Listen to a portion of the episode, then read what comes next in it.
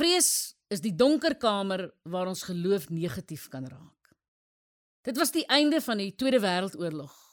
Die geallieerde magte het plase en huise in Duitsland vir skerp skutters deursoek.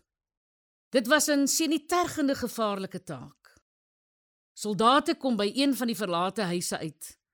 Dit was byna net 'n hoop rommel.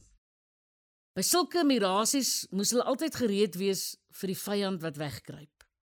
En versigtig het die soldate met flitsse na die kelder afgegaan.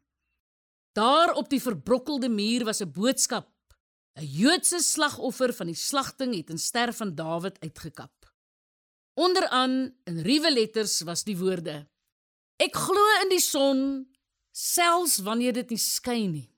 Ek glo in die liefde selfs wanneer dit nie bewys word nie. Ek glo in God selfs wanneer hy nie praat nie. Ons kan hier ons eie woorde byvoeg. Ek dink aan die ekonomiese klimaat waar spanning mense se lewe tuister. Ek glo Christene kan hoop en geloof hê en dit uitdra binne ons omstandighede. Jy het dalk onsekerheid in jou binneste. Dit wil nie weggaan nie. Vrees is soos die donker kamer waar negatiewe van die lewe ontwikkel word. Satan misbruik die vrees diep in ons. Hy wil ons gemoed aftakel om ons te laat twyfel. So 'n onseker dubbelhartigheid maak mense onaangenaam om mee saam te leef. Vrees in ons lewe keer ons weg van God se wonderlike beloftes.